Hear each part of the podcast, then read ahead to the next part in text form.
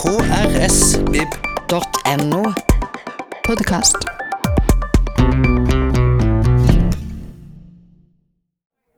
Ja, hei og velkommen igjen. Eh, dag to, arrangement tre. Um, nå får vi veldig fint besøk her. Noen av dere fikk kanskje med dere hun ene i går. Men eh, Sumaya eh, Jirdali har blitt et forbilde for mange. En norsk-somalisk unge kvinne på 21 år. Har fått tre priser allerede, tre bokutgivelser. Hun er en forfatter og en samfunnsdebutant med en tydelig stemme. Og hun er også voldsomt utsatt for hets. Blir trua, drapstrua og trakassert. Den andre vi får på scenen, er politisk redaktør i Dagbladet.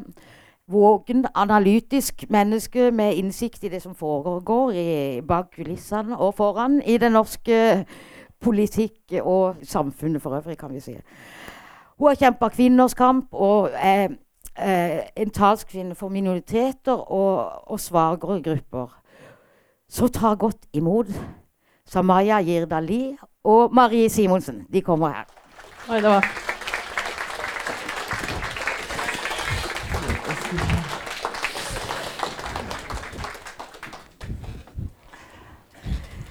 Ja. Det, som dere ser, så jeg, jeg holder meg nøytral, men det er jo vakre farger her, vil jeg si. Um, jeg må spørre først, hva, hvorfor tror du at du vekker så stort raseri blant folk? Um, Jeg tror det er egentlig kombinasjonen at jeg, at jeg er så mange ulike minoriteter i én. Eh, Jeg er somalisk, jeg er svart, og Jeg skal ikke si jeg er bodøværing, jeg tror ikke det er det som provoserer, men um, jeg er også muslim, og synlig muslim. Uh, og, og det er også en forskjell. Um, og da, men det jeg tror sammen med det, er liksom at jeg tar den plassen jeg tar, og det med selvfølgelighet. Um, så jeg tror det er det som virker eksplosivt for enkelte. Og jeg husker spesielt når jeg ble kåra til årets bodøværing i fjor, så var det en fyr som hadde en veldig sånn lang, faktisk humoristisk eh, utgreining om hvor, hvorfor jeg ikke fortjente den prisen. Og han sa sånn at hvorfor fikk ikke han eh, Jonas fra Lofoten som fiska fisk den prisen? Altså en fyr fra en helt annen by. Men? Han, han unna meg ikke den prisen, selv om jeg er oppvokst i Bodø og bodde der i 13 år. Så jeg tror det er liksom en kombinasjon av de ulike identitetsmarkørene jeg har, samt den plassen jeg tar. da. Ja, uh, Marie, du har uh, i, i en kommentar skrevet at uh, Sumaya er et ynda hatobjekt. Eh, kan du utdype det litt? Ja, så er jo liksom som uh, Somaya er en gave til kommentarfeltet. Altså du kan ikke eh, Du sparer jo veldig mye tid. Du får liksom alt plassert alt på ett sted. Eh, det er ellers så må du gå rundt og lete etter en muslim der og en kvinne der og bodøværing der. Så, men, eh, men så det skal du ha, at du liksom eh, gjør det norske samfunnet mer effektivt. Eh, men eh, eh, kuriositet så er jeg eh, faktisk født i Bodø.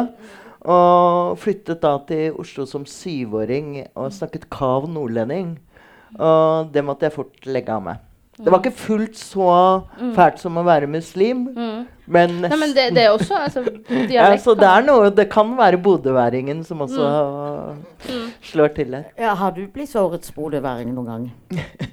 Om jeg er blitt såret Nei, årets Nei, nei, nei, nei, jeg får ikke lov til det. Det er en gruppe på Stortinget som er en egen Bodø-gruppe. Der kan du kanskje bli æresmedlem, men de mener at jeg har bodd der for kort. Eh, du har uttrykt at eh, Altså, når du ytrer det Du kan komme med en ytring som et annet menneske uh, kunne ha kommet med, og det hadde fungert greit. Mm, Men kommer det fra deg, mm. så får det en helt annen valør. At det er en veldig sånn svart-hvitt-tenkning i, i samfunnet. Mm. Uh, Jeg, jeg tror sant, eh, Den nåværende redaktøren i Klassekampen, Mari Skurdal, hun skrev en veldig god kommentar om nettopp det eh, tidlig i år, i februar. Og den kommentaren het 'Hudfarge teller'. Og da tok hun for seg eh, politikeren eh, Lan Marie, som eh, har vietnamesisk bakgrunn og liksom synlig vietname fra ja.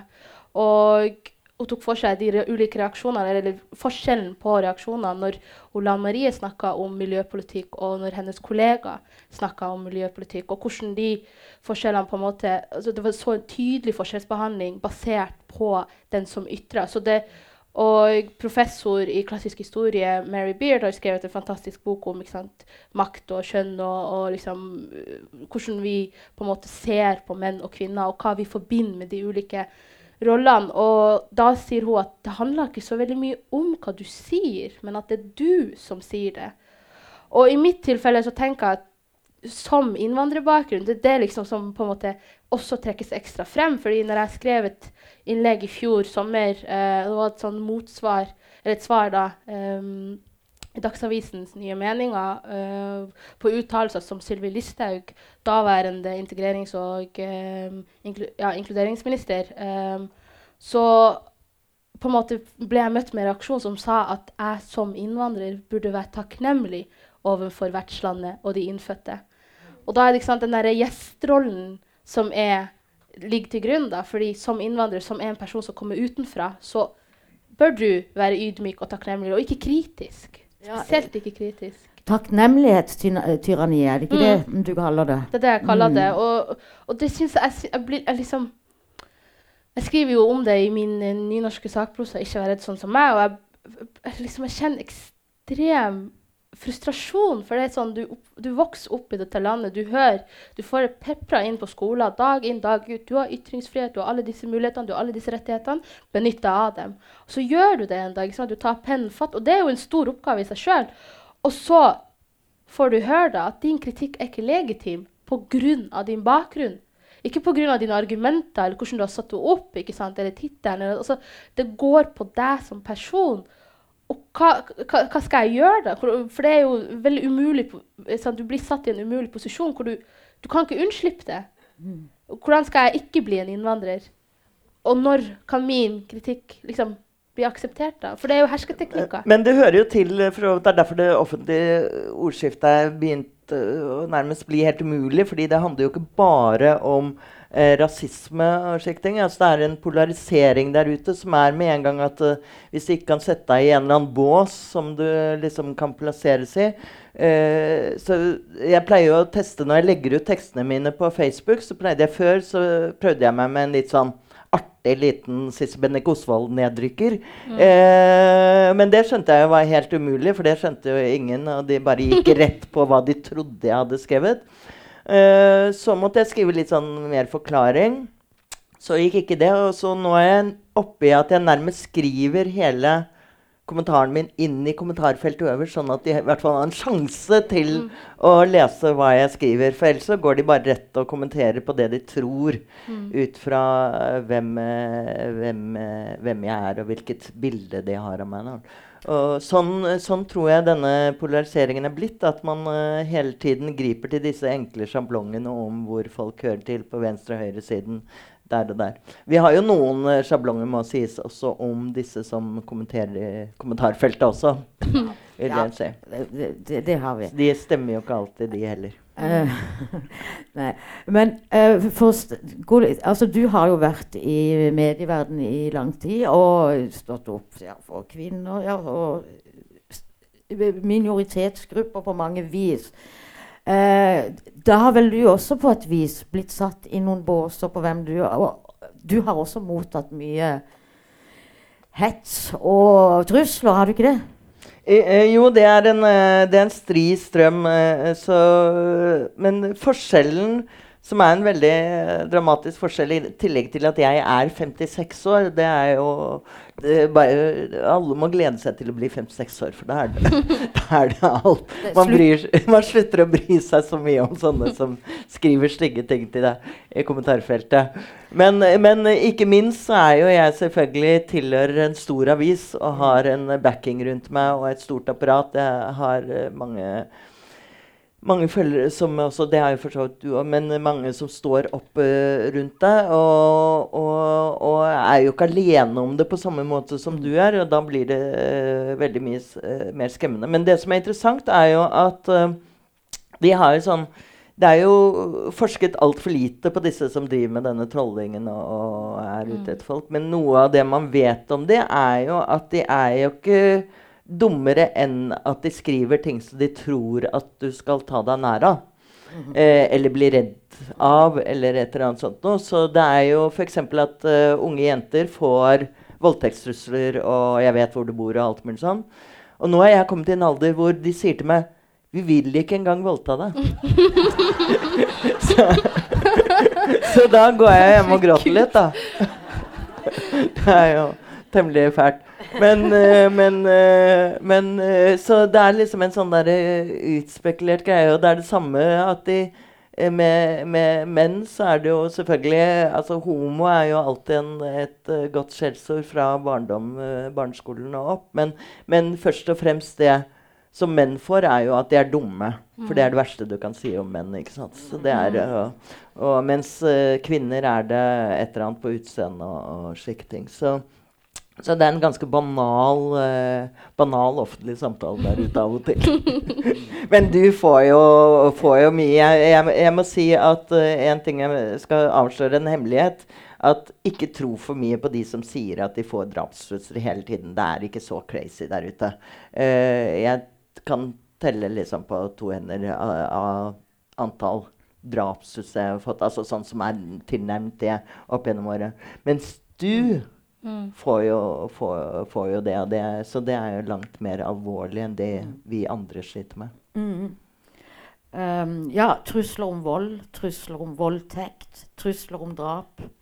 Og uh, at man er offentlig tillater å bruke uh, ord som hettemåke, uh, trygdeputing. Mm. Ja, jeg vet ikke. Det fins nok en mengde ord der ute som du må ta imot, altså. så er det så, du, du, nevnte den ene prisen der. så Du fikk um, ord, i, gren, ord i Grenseland, det er en litteraturfestival i Fredrikstad. Der fikk du prisen.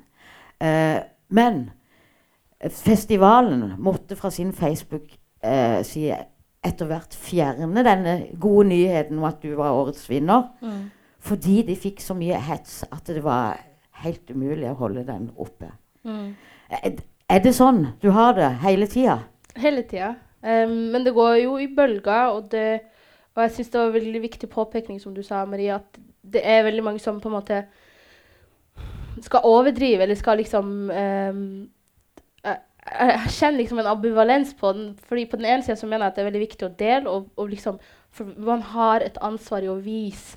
For det er jo en del av kartleggingsprosjektet som vi alle er en del av. Hvis, vis, hvis, vi setter fingeren på problemet, så er det først da vi kan det er jo først når vi adresserer det, at vi kan begynne med den vanskelige jobben det er å liksom, håndtere det. Men på den annen side så, er jeg liksom, så tenker jeg at man gir jo dem Man får hetserne til å føle seg så mye større når du viser at det at du, altså Når du bruker tid eller energi av dagen din på Vi har jo hatt Før vi møttes, så, så tillot jeg meg å være en liten mentor for ja. Sumaya. Ja. Da gikk jeg inn fordi at jeg så at du la ut veldig mm. mye mm. på Facebook hele tiden om 'Se hva jeg en har skrevet til meg her'. Mm. Og så fikk du jo selvfølgelig masse positive reaksjoner og støtte og trøst. Og vi står opp for deg, heia deg, Sumaya. Mm. Og jeg tenker at det kan være en litt sånn tveget sverd å gjøre det hele tiden. At du får den støtten i, i liksom to sekunder, og så blir det stille igjen. Mm. Eh, samtidig som du på en måte gjør oppmerksom på å stille deg i en posisjon hvor du eh, inntar en slags sånn offerrolle. Og da tenker jeg ikke overfor de andre, men overfor deg selv. Mm. Eh, eh jeg husker at Bushra, Bishra Isak, eh, mm. som jo var leder av Muslimske studentforeningen i Oslo, eh, på Blindern Eh, trakk seg jo fra offentligheten. Hun måtte trekke seg fra et Fritt Ord-seminar fordi hun ble drapstruet. Og etter det så forsvant hun fra offentligheten, og så ble hun intervjuet i A-magasinet noen år etterpå utdannet lege og psykiater og sånn, og sa hvorfor hadde du gjort det? Så sa han jeg er jo ressurssterk og jeg klarer meg, men jeg orket ikke det der å senke meg ned i den gørra hele tiden. Å være i den tilstanden. Fordi uansett om du takler det, liksom, så påvirker det deg jo. Du får det Det, det fester seg noe inni, inni hodet ditt. Mm. Og du klarer ikke helt å kvitte deg med det. Så derfor er det var litt streng med deg innimellom. at du det- skulle og det, liksom og det hjalp, for det fikk meg jo sant, ut å se på det fra en helt annen eh, på en måte, vinkel. Um, og jeg er helt enig i at jeg syns det er veldig viktig påpekning. Og det har jo et, I ettertid så har jeg jo ikke delt like mye. Jeg deler nesten veldig sjeldent. Og nå nå har jeg masse hjelp med anmeldelser, så jeg trenger ikke å anmelde sjøl. Men uh, det jeg tenkte, var liksom at For man er i det hele tida. Du, du unnslipper ikke det på sosiale medier. Du slipper ikke unna det. Du får, altså, du får hatbrev i posten. Jeg, jeg fikk hatbrev i posten før jeg fikk hets på sosiale medier. Og det starta så tidlig som når jeg begyn- liksom skrev mitt første innlegg i Side eh, i Aftenposten. Og det var i eh, oktober 2016. Og nå Da har var jeg du altså Hæ? Ja, hvor gammel var du da? Da var Eh, jeg altså, Det var Ja. ja, 18-19 Ja. Ja, ja, det er jo ikke mer enn to. Ja. Og det var, det var liksom. Jeg så for meg at det var så Beklager. det- Jeg har ikke vært- Gå videre. Jeg har ikke vært i offentligheten så lenge.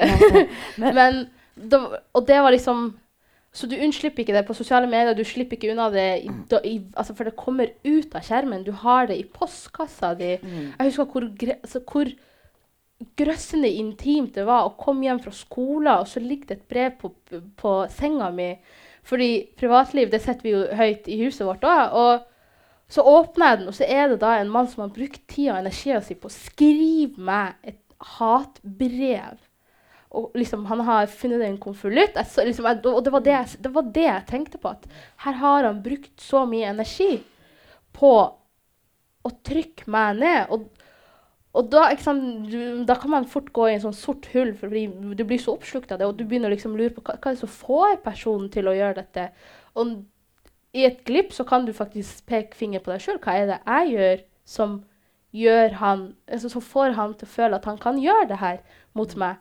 Så, så går du inn i sånn selvhatende uh, Dette, dette er jo ikke et eksempel på det, men det er jo åpenbart at det lav, lavterskeltilbudet som heter sosiale medier, er ikke bare positive ting ved seg. Eh, og igjen vise til min alder at jeg er gammel nok da jeg jobbet i VG, husker jeg var kommentator og, og synlig og profilert. Da fikk jeg veldig mange sinte brev. Eh, og de var jo håndskrevne. Og det som var fascinerende da, var at de ble, skrevet for hånd. Akkurat sånn som de nå skriver på maskin. mm. Uh, de begynte sånn 'Kjære Marie Simonsen'. Og skjønnskrift og sånn. Og så var det flere og flere utropstegn, og til slutt så var det Ja, ja, ja, ja. bokstaver. Ja, store bokstaver. Voldsomt. Og så vennlig hilsen. Og så sendte de det i passen, da. Så de fantes jo Mm. den gangen òg, så det, så det sinnet. Men når det da blir når de får dette lavterskeltilbudet, hvor alle sitter og, og, og snakker på den måten eh, Man mister på en måte Man blir fartsblind. Man tror at dette er en normal måte å snakke på. Eh, jeg gjør det jo sjeldnere og sjeldnere, dessverre, fordi jeg ikke orker det. Men av og til så tar jeg meg bryet og setter meg ned og sier Hør nå her, hva er dette for noe? Hva er vitsen med å skrike på denne måten? Og da blir de litt sånn eh, Det var ikke det jeg mente. Mm. Noen blir det, mens andre ja, blir Jeg går aldri, ja, de blir opphissa. ja. Det var en dame som starta med å skrive 'Du er en heks'. Og det er jo ikke sant, mildt. Eh, man, man kan jo se på kontekst. Hvis du får 'du er en heks' etter at du har vært i en hetskampanje, eller midt under en, så kan det også oppleves belastende. For det er nok en person som er liksom mot deg som person. Men når hun skrev det, så gikk jeg i dialog med henne. Hvorfor skriver du det? ikke sant? Syns du det er greit? Og jeg husker det her var på valgnatta. Uh, jeg tror jeg delte det på Facebook òg. Og da begynte hun og hun Capslock, selvfølgelig. Altså, det er noe med folk som, er, uh, ha, som har så mye hat i seg at de må bare formidle det gjennom store bokstaver. Og videre i samtalen så sa hun faktisk 'jeg skal skyte. Så det, det bare eskalerer, for det, det er det er veldig mange sier det veldig mange sier, er jo at hvis vi går i dialog med dem, det er da de blir sant? Det er da bobler sprekker og alt. Ingenting tyder på det, men, eh, men, men, men av og til så skal man være åpen for at folk ikke helt er klar over hva de driver med. Mm. Eh, og at eh, de har eh, problemer med å uttrykke seg, rett og slett. Og det er Mm. det som er litt sånn vanskelig. Jeg var inne på det at vi har noen sånne klisjéoppfatninger av de som er der ute og snakker til oss òg. Og i hvert fall jeg som eh, jobber i avis, føler et veldig eh, ansvar for at jeg skal kommunisere med Det er jo leserne mine, mange av disse her. Dessverre, tenker jeg alltid. Men det jeg ville komme fram til, var poenget ditt. Ikke sant? Det med at man, når man er så oppslukt av det, og når man gir det plass, når man legger det ut, skriver en post 'I dag fikk jeg denne meldingen', så ser jo den som hetsa deg, dette. ikke sant? Og da, da får de en slags anerkjennelse på at altså, du tar dem på alvor. Og det er noe ikke sant? Det, det har jeg I begynnelsen så ble jeg liksom For, for det- det var jo du og Elisabeth Norheim, og dere har jo lang fartstid i media og liksom mange erf mye erfaring med dette som lå til grunn for eh, deres råd. Og når jeg begynte å tenke på det, så, så ga det mer mening. Og da hadde jeg liksom slutta med det. Og jeg har et eksempel på faktisk nå nylig eh, så, For jeg har jo flytta hjemmefra for å studere sosialantropologi. Og da snakka jeg i telefon med faren min, og da sa han til meg jeg har ikke sagt dette til deg, men du har fått to nye hatbrev sendt hjem i posten. Og, og jeg sa med en gang til pappa det skulle du ikke ha sagt. For jeg bare kjente at liksom, du, du, det kommer en sånn tyngde over deg som bare liksom, det går gjennom hele kroppen. Og han sa ja, og så sa han at det var den samme damen som skrev den, første, som skrev den andre som skrev den første. Og i den andre hatbrevet så var hun sint for at jeg aldri hadde svart henne. Ikke sant? Oppgitt og sint for at jeg ikke hadde brukt tid eller energi på å svare henne. Fordi det, det, det, det ligger en sånn en følelse av at de, de fortjener en svar. De fortjener å bli hørt. De fortjener å, at du anerkjenner deres hat fordi du er objektet, og det er din feil at de føler som de gjør. Så det, det, så det funka, ikke sant? At hvis Og av og til er det psykiatri. Ja, altså det er veldig Det mange av er, de det er det ingen tvil om. det er veldig mange av de jeg har, på en måte, som, har som har fått hjelp med å anmelde, som har, de sakene har blitt henlagt av den grunn at personen er psykisk utilregnelig. Og det, men det som er veldig synd på den andre side, er jo For da kan jeg, det er mange som sier til meg at det som er positivt der, er jo at det her er virkelig syke folk. Så du kan tenke sånn at det her er ikke normalen. Men det som er synd på den andre sida, for meg og for andre som er i offentligheten, er jo at det gir deg klippekort til å holde på. Ja. ja. For du, sant, når du er psykisk utilregnelig, så kan du ikke du bli stilt ansvarlig. Du, dine ord kan ikke få konsekvenser, rett og slett. Men apropos konsekvenser. altså Det som er uh, veldig alvorlig med dette, her, og, og det er derfor man må liksom, uh, selvfølgelig kartlegge det enda mer uh, Vi sender, har bestemt oss, i hvert fall gjør vi det med ujevne mellomrom i Dagbladet, så sender vi inn til Kripos, som har en sånn egen avdeling for, for netthets. Eh, og ikke nødvendigvis fordi at vi tror at politiet kommer til å gjøre noe med det, fordi at det gjør de svært sjelden. Det var en overivrig lensmann, forresten, selvfølgelig en kvinne, som, som grep inn på mine vegne oppe i Fauske. Hun gikk rasende opp til en mann og banket på døren og ga ham 15 000 kroner i bot. Og sa at enten det, eller så blir du liksom tiltalt. Han uh, godtok den boten litt molefonken. Altså ble veldig, veldig dyre nattetimer for han. Men men eh, vitsen er at det er viktig å kartlegge omfanget, hvor alvorlig det er, hvem som blir rammet osv. Og så må man se hva, til syvende og sist hva det betyr for den offentlige samtalen. For det er klart at eh, Sumaya, eh, jeg tror ikke du er tøffere enn toget, men du er nok kanskje litt tøffere enn mange som, som trekker seg ut og kvier seg for å delta i den offentlige samtalen pga. det. Ja, ikke sant. Og Og, at man eh, hetses til taushet, Ja. nærmest. Uh, bare, du sier nå får du hjelp til anmeldelse, men altså du, du kom vel, vel Det kom vel veldig brått på det at det skulle bli så mye Mm. på kort tid, tenker jeg. Mm. Og, og da hadde du ingen hjelp rundt deg? Eller? Uh, Altså, jeg, har alltid hatt et veldig godt nettverk. Jeg, jeg vet ikke Av en eller annen grunn så har jeg klart å skvise meg inn i veldig gode miljøer. Eh, men jeg husker det, det kom ekstremt brått på meg. fordi altså det første, den første re, liksom reaksjon, negative reaksjonen jeg opplevde, var jo å bli oppført på en repatrieringsliste. Og den dagen lærte jeg jo hva ordet repatriering betydde. Det betyr å sende noen tilbake dit de kom fra. Og, og det her er en fysisk offentlig liste. Du står sikkert oppført der, du òg. Ja, jeg vet hvem det er. Han, ja, er- og han er jo uh, også uh, Jeg tror eh, PST vet om lista, og de kan ikke De tenker at hvis de Han er nynazist. Ja. Og Ja. Han, var, han var for ekstrem for Frp. Det Ja. sier litt. eh. Men uh, det var liksom den første reaksjonen. Og så var det liksom hatbrev osv. Og, så og det, det, altså, det, det er på en måte blir syk av, hvis jeg kan si det på den måten, er jo at det, det ser ikke ut til å ta en ende, på en måte. Altså, det kommer aldri til å slutte.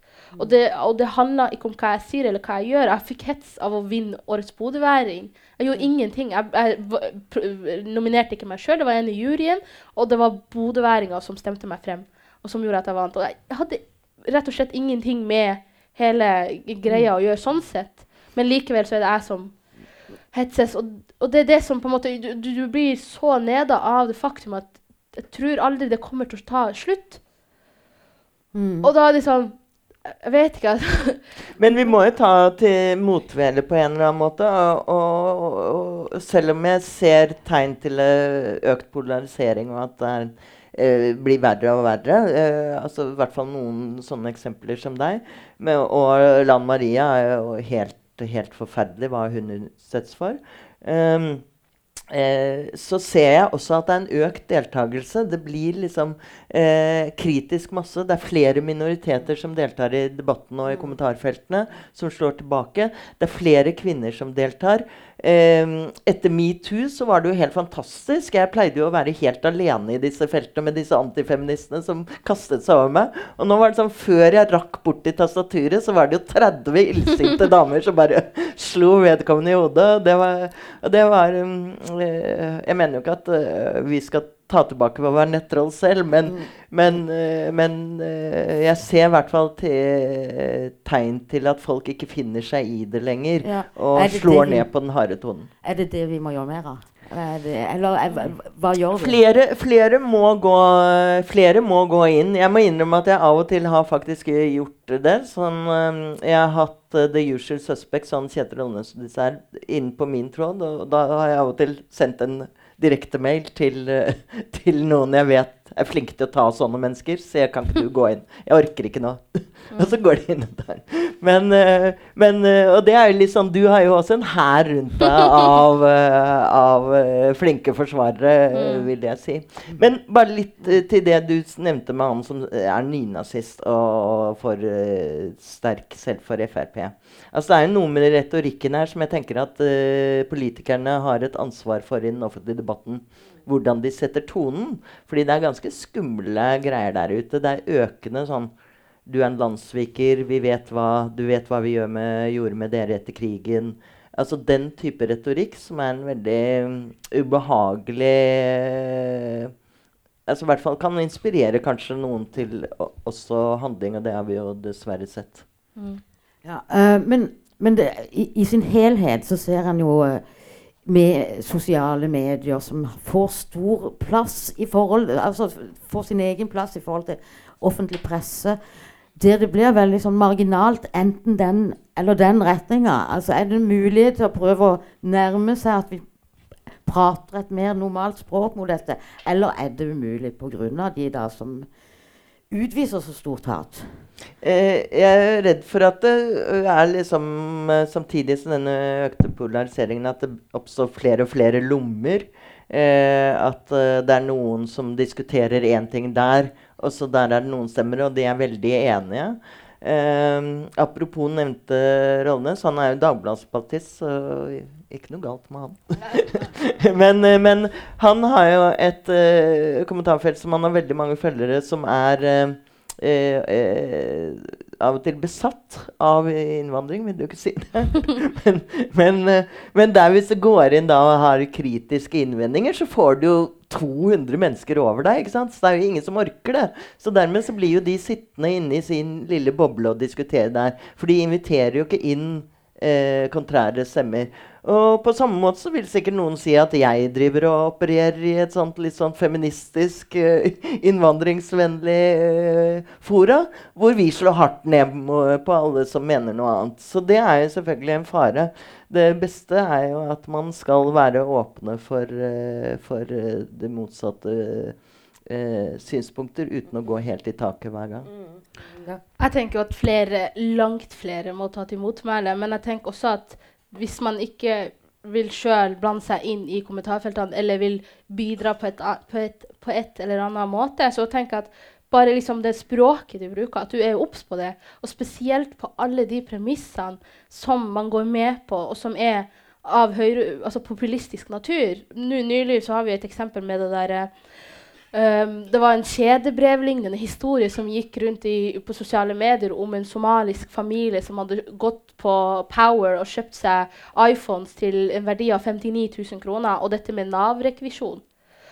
Og det, det her De er ikke alltid så smarte heller, da. ja, sant? Fordi, sant? i, Hvis, det hvis, de hvis det var én person som hadde skrevet den historien, så, sant, så, kan, så kan man jo ehm, da, da, er det veldig, da, kan, da er det litt vanskeligere å på en måte si det er en åpenbar falsk historie, fordi det er faktisk mulig å eh, bruke de pengene man får fra Nav til andre eh, hensikter enn det man har oppgitt. Men når, når den ene personen etter den andre sier ja, han Trond og han, han her, i dag så han dette, når det er sånn ti ulike mennesker som sier at det var de som sto bak denne familien i skranken på Power der og da, så skjønner man jo at det er en åpenbar falsk historie. Men det som er galt her, er jo alle de, og spesielt jeg så det på Twitter, som lager sin egen versjon av historien. ikke sant? Og da tar de bort somalisk familie, og de, tar, øh, og de bytter med iPhones med noe annet, og så bare deler de det videre. De går med på det premisset. Ikke sant? Og det man gjør det for humor, man gjør det for å le. ikke sant? Fordi det er absurd. Når jeg leste den historien, så tenkte jeg det her, Jeg begynte selvfølgelig å le, jeg òg, men det er farlig. For det er sånne hva, hva, hva er det som ligger til grunn i historien? Hva er det den sier? Det er jo sant, der va, gjeng, liksom den vanlige oppfatningen om at somaliere er en navsnyltrende folkegruppe. Uh, vi, er, vi faller jo uh, kommer jo dårligst ut på alle de sosioøkonomiske statistikkene. Det er jo fakta. Men det finnes en oppfatning blant disse høyreekstreme gruppene? Og, og når en sånn historie kommer, så bare tenker de sånn Å, det er jo det jeg har tenkt i all den tida.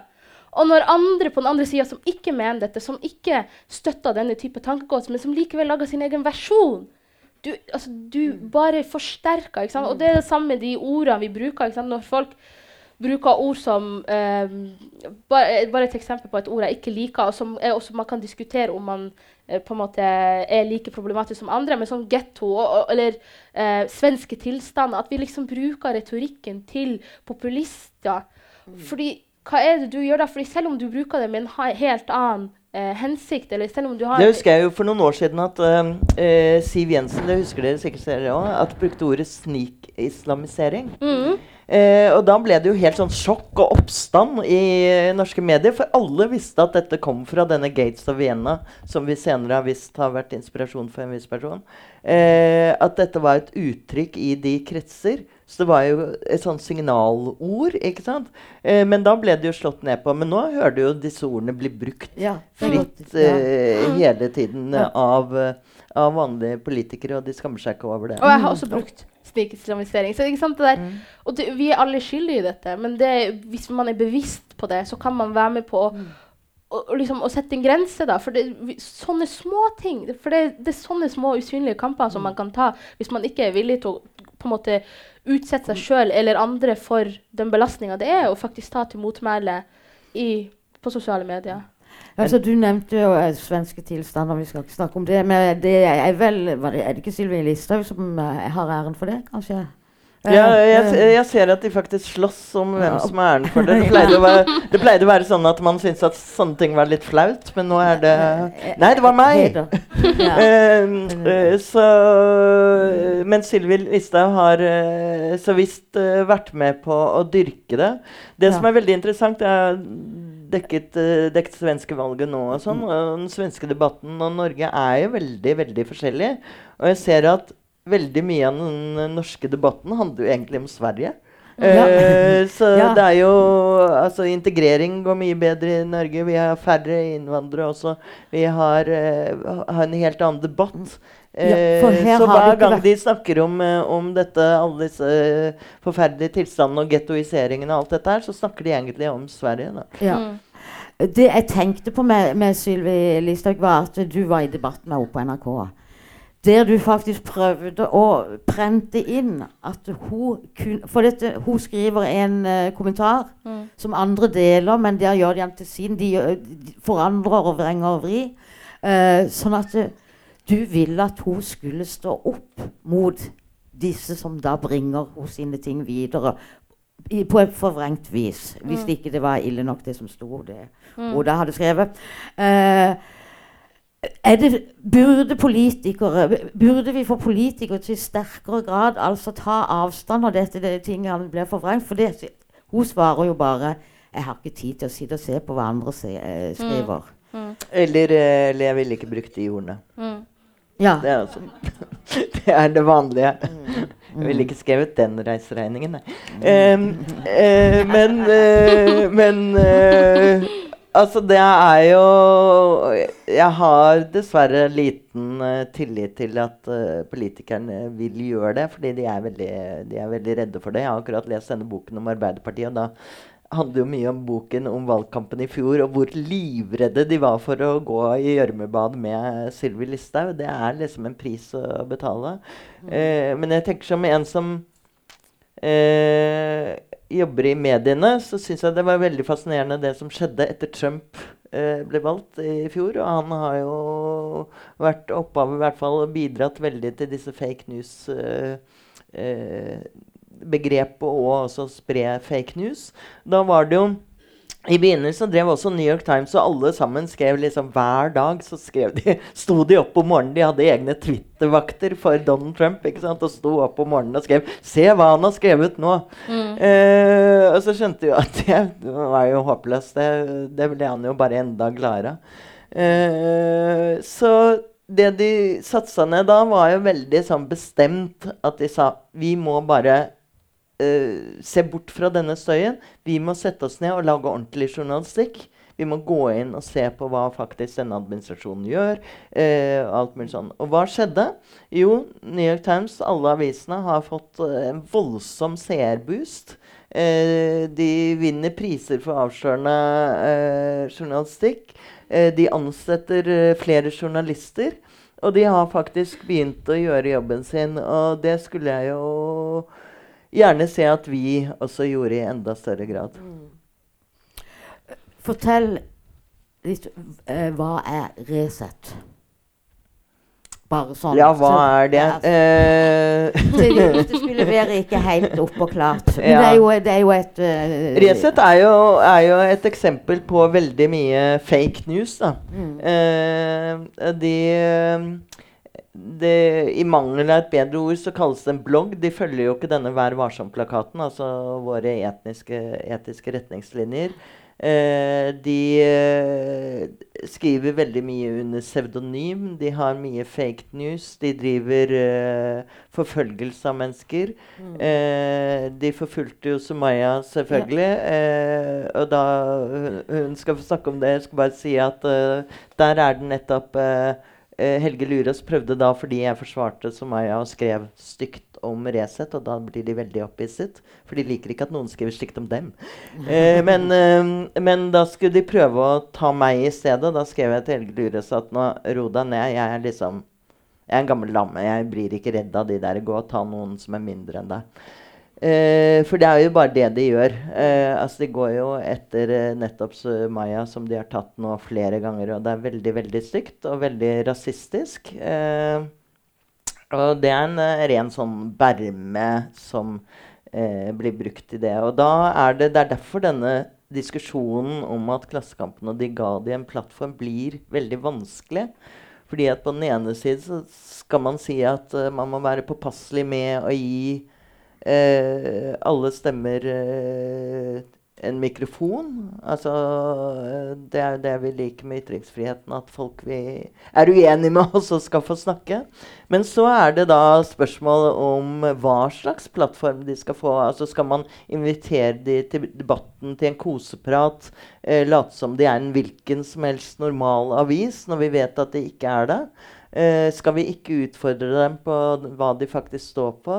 Skal vi ikke være kritiske? Skal vi sette Der nede i Arendal så satt min gode kollega Jon Olav Egeland fra Dagbladet, som i 150 år har stått opp mot dette her. Snart, i hvert fall. Til neste år fyller vi 150 år. Eh, ved siden av Helge Lurås, og de ble behandlet som om de var akkurat samme, liksom, eh, drev med det samme. Og det blir jo selvfølgelig rart. Mm. Ja. Uh, og de vil altså ikke melde seg inn i eh, Nei, de vil ikke følge det. Ifølge Helge Lurås i en Dagsnytt 18-debatt så leste han uh, Vær varsom-plakaten flere ganger om dagen. Eh, så skjøt Arne Jensen, generalsekretæren i Presseforbundet, inn. Ja, men hvor mange ganger følger du den? det, var, det var kanskje det som var poenget. Men uh, Nei, så de, de gir egentlig blanke. Altså, Men så later de samtidig som om de skal være litt, uh, litt avis og litt sånn. Så det er på en måte greiere med dette rights.no, som Hege Storhaug driver. De Ja. sier at vi er ikke en avis, og vi følger ikke de etiske retningslinjene. Ferdig med det, liksom. mm. Men til, til å være en sånn ekstremt stor eh, motstander av etablerte medier, altså Resett, så driver de og klipper og limer fra andre aviser støtt og stadig. så det er jo egentlig paradoks. men du fikk eh, gjennomgå der, Ja. egentlig. Eh, jeg vet ikke om du husker Det gjør du nok, men det er så mange forskjellige. Men eh, altså Du beskriver eh, nærmest som hjernevaska fordi du går i det tøyet du går. Mm. Det, altså, det er et kjempeargument, Mm. uh, tenker jeg. Um, og så virker du besatt av å sparke Norge i skrittet. Er Somalia bedre? Flytt tilbake. Mm. Men, men da, da, ville, da gikk du til Da meldte du din til PF, Pressenfaglig utvalg. Mm. Ja. For de skriver jo på nettsida at de følger Vær varsom-plakaten, selv om det er åpenbart at de ikke gjør det. Mm, mm. Og de hadde, det var en, det hadde vært, På samme tidspunkt så var det en annen sak som var i på en måte, behandling i, hos PFU, så, en klagesak mot Resett i PFU. Og da tenkte jeg ok, da kan jeg kanskje gjøre det samme. Og det fikk jeg råd fra en journalistvenn av meg ø, til å gjøre. det. Og så gjorde jeg det, og så vises det seg senere, for de hadde jo et møte 16. mars, PFU, hvor de på en måte kom fram til at media, eller liksom på en måte Mm. Nettsider som ikke eh, bidrar økonomisk, tror jeg, til Eller det var noe Nei, altså vi må jo bare alt uh, Helge Lurås eh, må gjøre, er melde seg inn i Redaktørforeningen, som koster 11 000 kroner eller noe sånt. Så han har jo råd til det. Han har jo Ja, for- milliardærer i ryggen. Ja, Så- som eh, gjerne betaler 400 000. Så det skulle han Så Så det Mm. er nok ikke pengene det står på. Nei. Men jeg vil, før liksom, vi går videre til Resett, så vil jeg bare kommentere på det med politikere. fordi jeg synes selvfølgelig absolutt at de har et ansvar, men jeg opplever at vi har alle sammen sånne ekstremt høye forventninger til politikere, og vi glemmer ofte at de også kan være um, De har jo et spesielt ansvar, men vi glemmer ofte at de er også mennesker, at de ikke sant, har begrensninger på når det kommer til kunnskapsnivå på mange områder som alle andre. Um, men likevel så mener jeg at man kan kreve av dem å sette grenser. Og det, en, eh, han, eh, statsministeren i Canada, Trudeau, han hadde jo, det var en video som sirkulerte en stund på, i media, nei, på nettet, hvor det var en dame som var åpenlys, altså åpenbart rasistisk mot eh, urfolket eh, i Canada. Og da sa han til henne rett ut jeg vil ikke høre, liksom, du, kan ikke være, du kan ikke prate på den måten. Det er rasistisk. Og han, liksom, han det, det, For det jeg, opple det jeg liksom ser blant politikere, er at de er så de er redd for og Du kom jo med det eksempelet med Arbeiderpartiet. De er redd for å på en måte kalle en spade for en spade. Og det er liksom, og, og spesielt politi føler jeg liksom um, politikere på altså man, man er redd for å rett og slett kalle en spade for en spade og liksom sette grenser og si klart og tydelig det her er en retorikk som er dehumaniserende, det her er en retorikk som undergraver altså, Bare rett frem og direkte. Og det er jo selvfølgelig altså, Når de holder igjen det, så tenker de jo på sant, hvem de støter bort av sant, stemmer. Men, men det, har jo, det har jo en pris å betale nå som er interessant med det som skjer med KrF. da.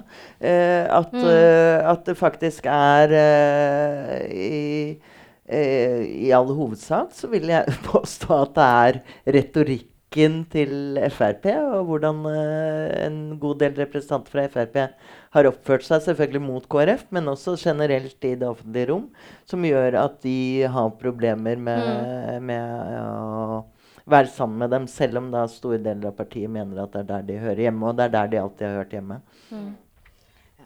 Um, må- du fi, Når du fikk din pris nummer to, eh, som heter Lur... Lur... Nei. Årets stemme? Ja, ja kanskje Ja, Anna Toddar. Ja, ja, nettopp. Eh, da Hvorfor får du så mange priser, liksom? Don't ask me! Men du, Kom her kom her. Du har Da- jo fått mange, du òg. ja, ja. Eh, men da uttalte du at du hadde grudd deg god stund før du skulle motta den. For, for når du fikk din første, så ble oh, ja. du så mye hetsa. Jeg tror du tenkte på Solar. Det er solar... At jeg ja, skrev det i forbindelse med den. Ja, nettopp. Altså, er det sånn det er? At det kjennes ganske Altså, det krever så mye å komme og motta disse ting At uh, det, altså, det skulle jo bare Mm. være en positiv ting, en kjempeting. Mm. Men det er så, så med bismak, og du utsettes for nye Mm. ting med å motta Mm. priser. Det var, du hadde rett, det var andre prisen. Det var Solarprisen jeg bare blanda. Men uh, Um, jo bare Du får så mange skjer det. priser. Det er for mange Men priser. Ehm, ja, jeg fikk jo årets, årets bodøværing i fjor desember. Og så fikk jeg vite um, Jeg tror det var 7. 7. desember at jeg var den eh, personen som Solarstyret ehm, hadde tenkt å gi og, liksom, Solarprisen i 2018. Altså, så de sa det til meg to dager før bursdagen min, og det var liksom i desember. Og utdelinga skulle være 18. januar i år. Og da, det var liksom midt i den på en måte hetserunden med årets Stemmeprisen, som enda ikke engang var offentliggjort. Jeg tror den ble offentliggjort 8. torsdag, hvis jeg husker rett, desember. Og så de følgende dagene så, så jeg reaksjonen. ikke sant? Jeg mottok ekstremt mye hets, og det her ble jo omtalt i Dagbladet, i liksom ulike av, aviser også, som plukka det opp. Og da, da fikk jeg liksom sånn angst for OK, nå vet jeg om fire uker så får jeg en til pris. Hvilken runde må jeg gå i da? Ikke sant? Og, og, det, og det er så synd, egentlig, for jeg, jeg husker jeg ble så nede av det. fordi det er som du sier, det er en positiv ting. Det her er en, og, og Solarprisen er jo en sånn kjempetung pris som anerkjenner ikke sant? den på en måte den, det, det bidraget jeg kommer med i norsk offentlighet. Og for at hele altså det positive aspektet blir totalt overskygga av det negative som jeg nå nettopp har opplevd, det opplevde jeg så vanskelig. Fordi? Og det er jo veldig menneskelig at vi mennesker legger ekstremt mye mer vekt på det negative enn det positive.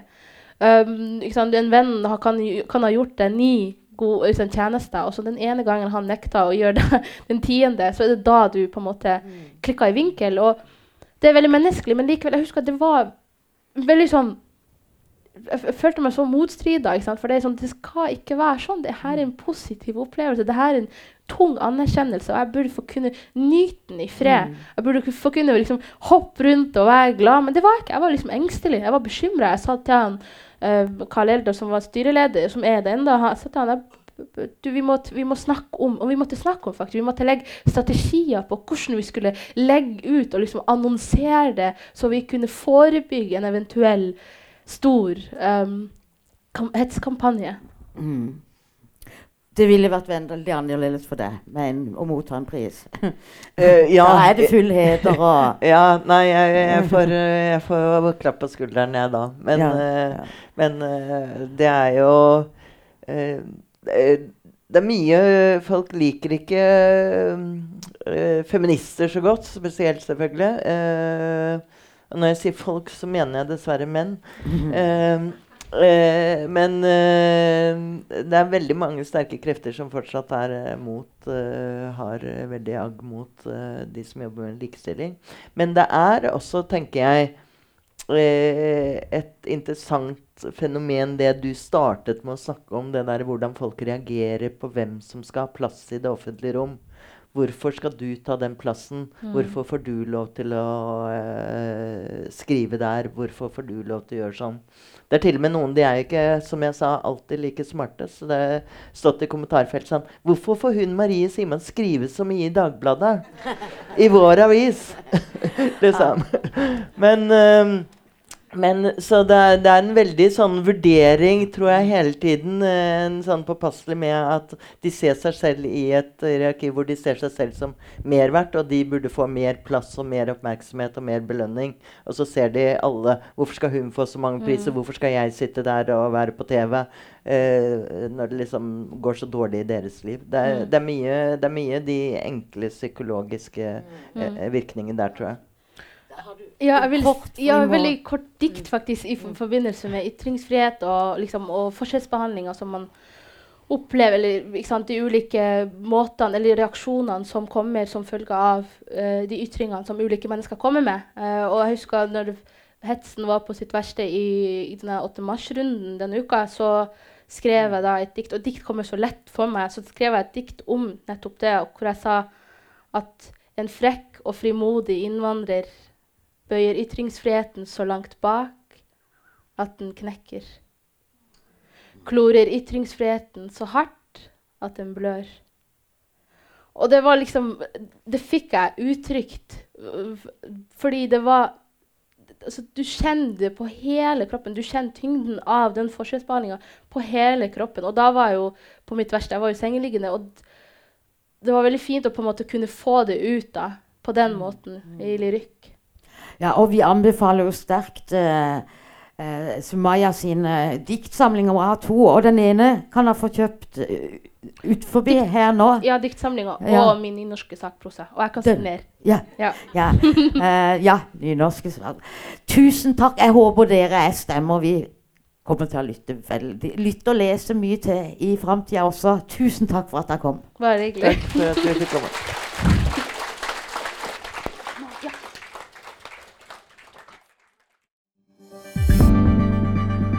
Flere podkaster fra oss finner du på Google Podkast, Apple Podkast eller iTunes, eller ved å stikke innom vår hjemmeside på krsbib.no.